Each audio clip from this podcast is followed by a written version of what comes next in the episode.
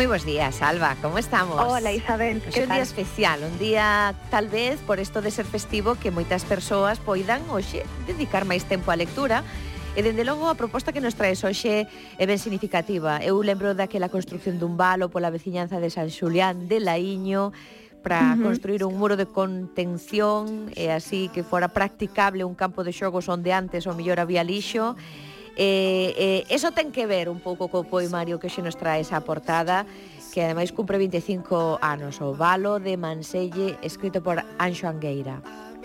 Sí, eh, de feito a redición, a redición de apiario é un xeito de conmemorar ese valo de pedra e o valo de palabras, non?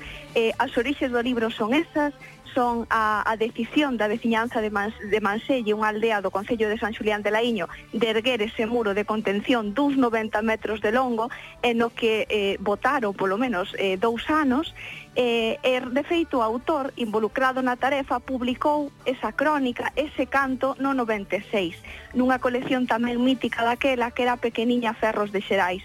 Eh, é moi significativo que o, que o autor, nunha entrevista con Xosé Emilio Insua, dixese en algún momento que esa experiencia, a experiencia da construción do valo, pedra a pedra e rebo a rebo, con toda a aldea, fora en sí mesmo o máis alto proxecto poético no que el participara, non?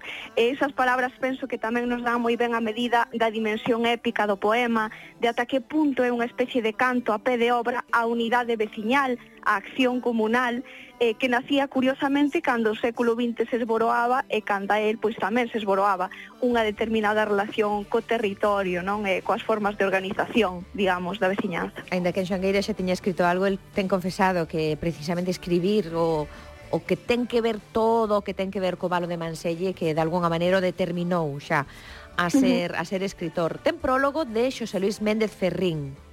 Certo, e aínda que sexa conciso, é un texto rico que desde o mesmo título chamase Ferro do Monte Avante, acompaña a radicalidade da proposta de Angueira, por ser capaz de sinalar un novo territorio naquel momento Angueira o das ribeiras do Esteiro do Ulla, pero tamén afirmando que o poema que abre o libro é un enrestramento de verbas e de nocións que nunca se viran andar xuntas na grande poesía do mundo.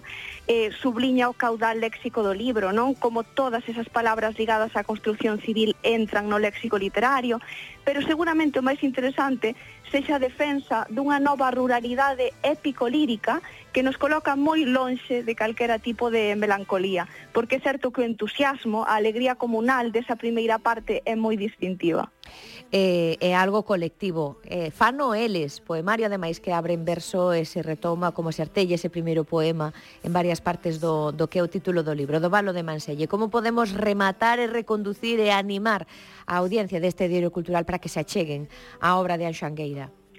Pois eu diría que é un poemario ben interesante pola fusión que chega a acontecer entre a construción civil ya do poema, pedra a pedra, non? Eh, para escribir un valo, Eh, seguramente o máis renovador do poemario sexe o equilibrio que hai entre a abertura a oralidade, o dialoxismo, porque son moitas as voces que entran nos poemas, veña, valo, vai, por exemplo, as máis das veces entran en cursiva, pero tamén o esmero léxico, a sensación de que cada palabra, como a perpiaño, pesa, e de aí emerxe unha textura moi especial, unha musicalidade buscada e que seguramente nos leva aos ritmos e aos cantos do traballo. E leo vos un verso, por exemplo, fai nos tarranchas e forras, fai que faz e cabaletes.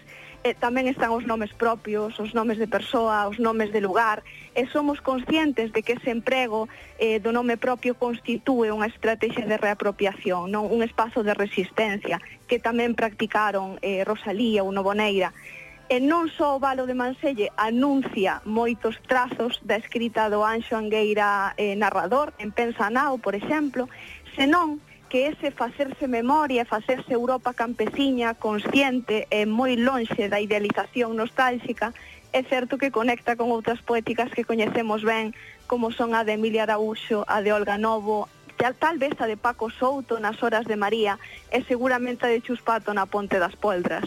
Entón, eh, a verdade é que é unha aventura interesante este acompañamento da construción dun valo palabra a palabra, non?